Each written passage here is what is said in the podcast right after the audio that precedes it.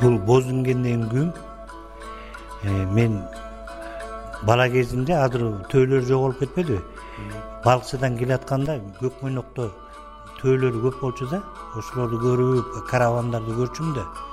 Ошо төөнү элестеткем да бозунген деген төөнүн ургачысы мына балпылдап басып келе жатат да балпылдап. Таманы чоң да булардын музыкант рысбек жумакунов өзүнүн өнөр камбаркан ансамбли үчүн жазган бозунген аттуу чыгармасы тууралуу айтып берип жатат.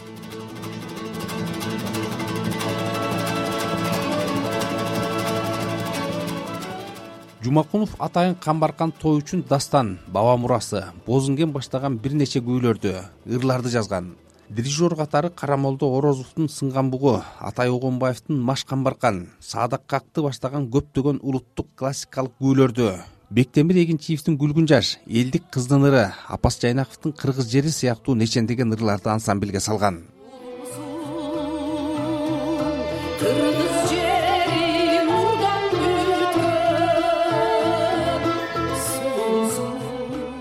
рысбек жумакунов бир миң тогуз жүз жетимиш тогузунчу жылы мураталы күрөңкиев атындагы музыкалык окуу жайынын флейта классын окуган. бир миң тогуз жүз сексен төртүнчү жылы бүбүсара бейшеналиева атындагы искусство институтунун дирижерлоо классын бүтүргөн. Маектешибиз бул кесиптин жыргалын кууралын айтып отуруп төмөнкү тамашаны да кыстарып өттү.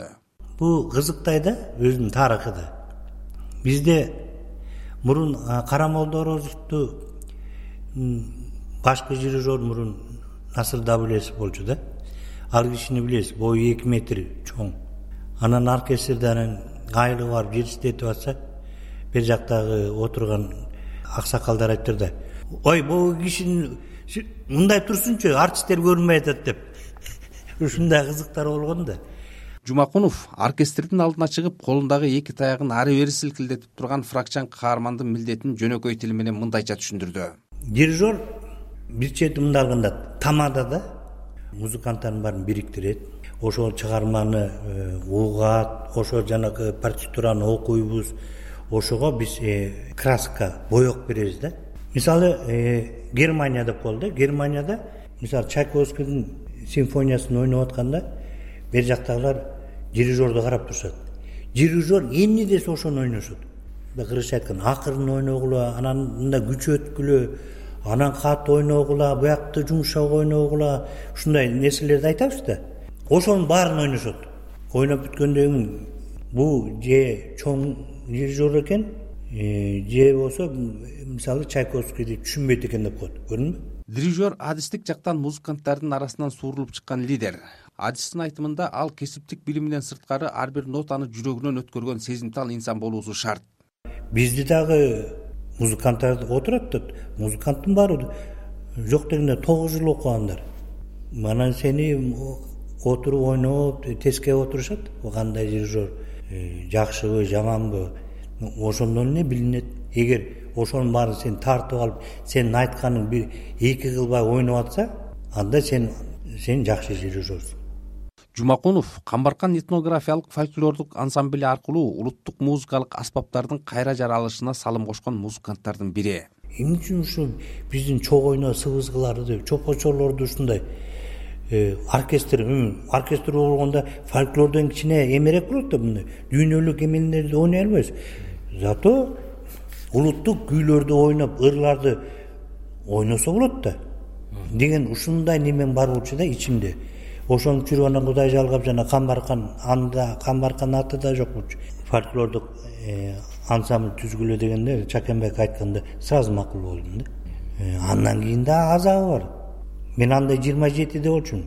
Кыргызстандагы алгачкы этно фольклордук ансамбль аталган камбаркан тобу бир миң тогуз жүз сексен жетинчи жылы түзүлгөн ошол кезде бийлик башында кыргыздын улуттук музыкалык аспаптары сейрек колдонулуп баратканы туурасында маселе көтөрүлүп аларды тез арада жандандыруу калыбына келтирүү керектиги айтылат. Анын негизинде атайын топ түзүү чечими чыгып бул милдет белгилүү комузчу чалагыз исабаевка тапшырылып тиешелүү каражат бөлүнүп берилет. Анан чакенбек анан мага бир эки үч күндөн кийин мени издептир мени чакырып анан экөөбүз жолуктук. Анан айтты «Э, рысбек мен комузчумун. Сен го мындай э, сен дирижерсуң музыкантсың. Сен музыкалык жетекчи бол мен көркөм жетекчи болоюн ушу ансамбльди түзөлү. Мен эмне эмне керек кандай уста керек бүт иши кылып э, сураганын баарын э, жазайбыз деди да. Анан мени чакырып калганын себеби да бар да. Мен он жыл мурун жетимиш жетинчи жылыдан баштап мен карамолдо орозовдо флейтист болчумун өзүмдүн кесибим флейта. Ошо флейтист болуп анан бул дирижерлук экинчи кесип кылып берет бизге. Аталган топту түзүүнүн алгачкы кадамы кыргыздарда болгон баардык элдик музыкалык аспаптарды. Чоор жылаажын зуулдак керней чопо чоор жыгач ооз комуз кылгыяк аса таяк коңгуроо добулбас сурнай сыбызгы жана башка элдик аспаптарды чогултуп жана алардын жаңы үлгүлөрүн жасатуудан башталат. Бир жылдан соң бет ачаары ийгиликтүү өтүп бир миң тогуз жүз сексен тогузунчу токсонунчу жылдары алматы баку шаарларында фольклордук музыка боюнча өткөн эл аралык фестивалдарга катышып лауреаттыкты жеңип алган. Ал эми бир миң тогуз жүз токсон биринчи токсон төртүнчү жылдары катары менен түркияда англияда акшда германияда өткөн кыргызстандын жумалыктарына катышып ал жактагы угуучулардын сүймөнчүлүгүнө татыган.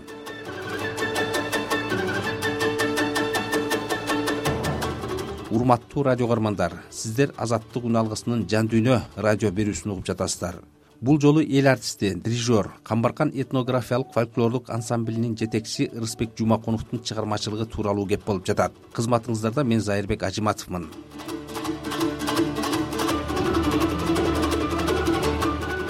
камбаркан тобун түзүү түйшүгү менен чыгармачылыкка баш оту менен кирип кеткен жумакунов өзүнүн жеке турмушун да унутуп калган экен. Ал тууралуу өзү мындайча кеп кылды. Анан ошентип ошон үйлөнгөнүн да унутуп калыптырмын ошентип анан отуздан өткөндөн кийин анан кой эме деп анан үйлөнүп ошо өзүңүздүн оркестрден элеби же башка жок башка жактан.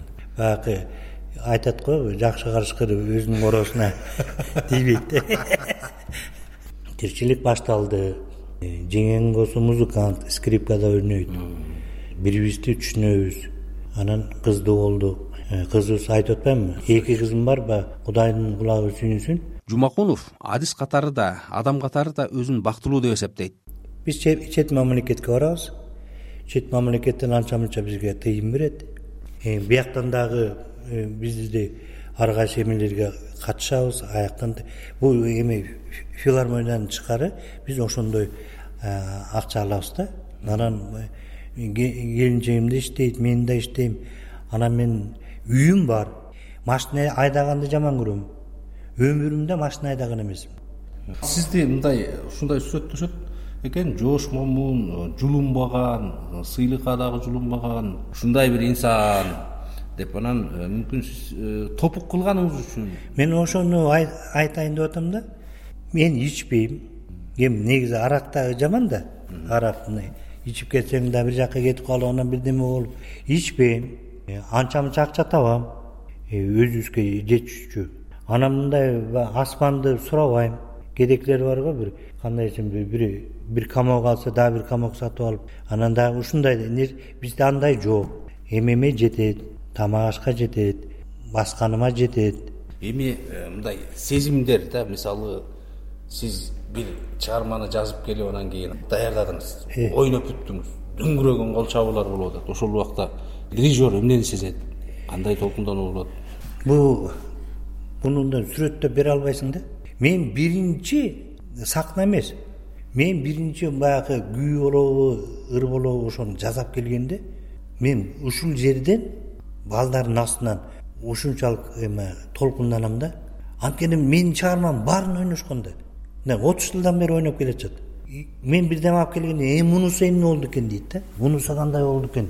Анан ойното баштайсың тигини токтотуп биягын жасап тигинтип анан ошондо эметип атканда анан музыканттар кулуңдап өздөрү мындай эме болгондо ошондо кичине баягы карап турасың да анан жага баштаганда ушунчалык сүйүнө баштайсың да анан аягында э, ал чыгарманы ойноп бүткөндө анан айтышат жакшы болуптур э, сонун экен анан тигиндей дегенде ошо ошол күнү күнкү мен сүрөттөй албайм мен даже сахнага чыкканда эгер кичине анча э, кол чаппай койсо мен андан эметпейм. Балким бирөө түшүнбөй калышы мүмкүн балким сахнада бир чопо чоордун үнү угулбай калышы мүмкүн. Микрофон деген аябай эме кыйын нерсе да. Музыканттын эки кызы тең таланттуу. Бири сүрөт искусствосун бири ата энесинин жолун жолдоп музыка дүйнөсүн тандап алган. Анан мындай алганда дагы э, эмеси таланттуу да негизи. Кээде айтасыңарбы ошон үчүн мен э, өзү да айтат мен только чет мамлекеттен иштейм дейт да. Анан зарамети ошого жетет да. Кудай буюрса ал өзүнүн жанын багат. Анан экинчи кызым ал скрипкада ал кызым болсо он үч жашында кыргызстандын атынан барып э, э, эмне эле? Жаш таланттар деген эмеге катышып симфонический оркестр менен скрипка ойноду да мындай алганда. Оркестрдин коштоосу менен. Ошондо мен өзүм таң калдым он үч жашында мисалы бетховенди ойногон да романсты жумакунов кыздары бой жеткен сайын ушул бактым сагынычка айланабы деп санааркап жүргөнүн айтат. Азыр мен өзүмдү азыркы убакытты ушунчалык мен бактылуу сезем да эки кызым үйдө отурат. Бирөө бүтүп келди бирөө э, окуусун кайра москвадан окуйм деп отурат да. Анан отуруп анан сүрөтчү кызым болсо ошо европадан иштейм дейт эмне үчүн дегенде анын профессиясы ушундай реставратор экен биякта жумуш жок экен дегендей анан ошол кесипти окугандан кийин э, өзү да таланттуу болгондон кийин ошол э, э, кесипте иштесе да өзү да бактылуу болот да. Анан ошентип аны кое берип атам. Экинчи кызым москвадан окуйм дегенде анан өзүнүн настроением бузулуп анан айттым ай силер кетип калсаңар биз силердин жыргалыңарды качан көрөбүз? Мына биз деле мына мамаң экөөбүз карып келатабыз силер тиякта жүрсүңөр биз экөөбүз жетелешип биякта жүрсөк. Жок дегенде э, грипп болуп ооруп калганда оозубузга таблетка салган бир киши керек да силерде эмне убакта керек деп. Кээде ушунчалык баягы эме капаланып кетесиң да